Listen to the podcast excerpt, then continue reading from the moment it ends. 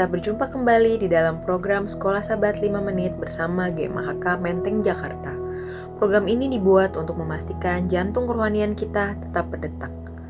Pelajaran Sekolah Sabat kita pada pekan ini berjudul Melihat Wajah Tukang Emas. Ayat hafalannya terdapat di dalam 2 Korintus 3 ayat 18 yang berbunyi, Dan kita semua mencerminkan kemuliaan Tuhan dengan muka yang tidak berselubung dan karena kemuliaan itu datangnya dari Tuhan yang adalah roh, maka kita diubah menjadi serupa dengan gambarnya dalam kemuliaan yang semakin besar. Pelajaran kita dimulai di hari Sabat petang dengan sebuah cerita dari buku Learning of God yang ditulis oleh Amy Carmichael. Amy Carmichael membawa sekelompok anak-anak ke tukang emas tradisional di India.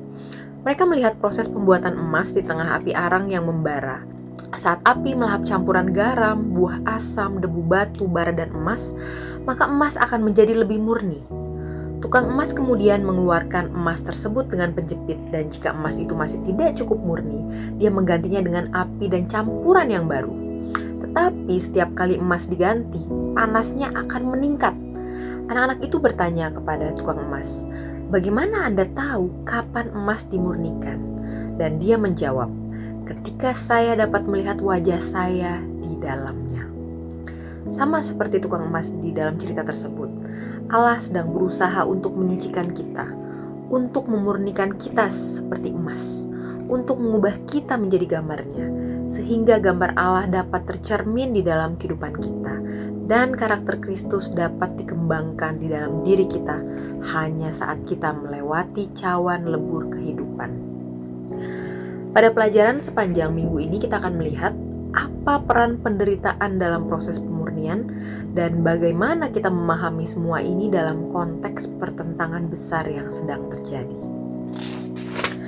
Pelajaran hari Minggu berjudul Menurut Gambarnya. Pada mulanya alam menciptakan kita menurut gambarnya, tetapi gambar itu telah rusak. Oleh karena apa? Oleh karena dosa.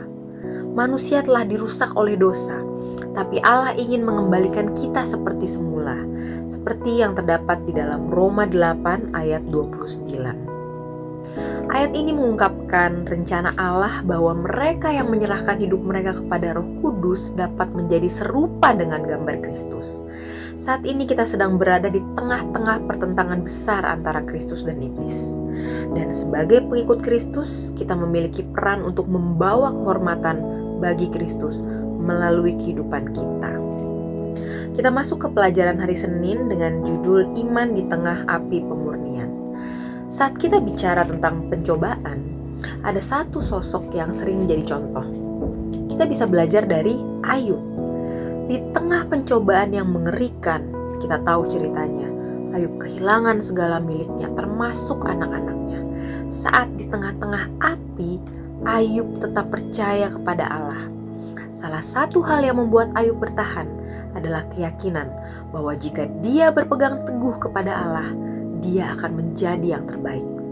Jika ia tetap bertahan di dalam api pemurnian, ia akan keluar seperti emas. Mungkin kita juga pernah mengalami hal yang sama, hal yang serupa. Panasnya pencobaan rasanya terlalu sulit, terlalu berat, atau mungkin tidak bisa kita pahami mengapa ini terjadi kepada diri kita.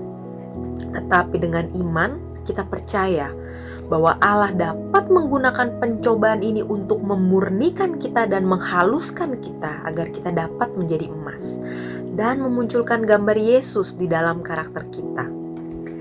Di tengah semua rasa sakit dan pencobaan, di tengah rasa penderitaan, kita bisa merasakan proses pemurnian dari Tuhan dan kita harus percaya serta mengimani bahwa pencobaan ini akan menghaluskan kita.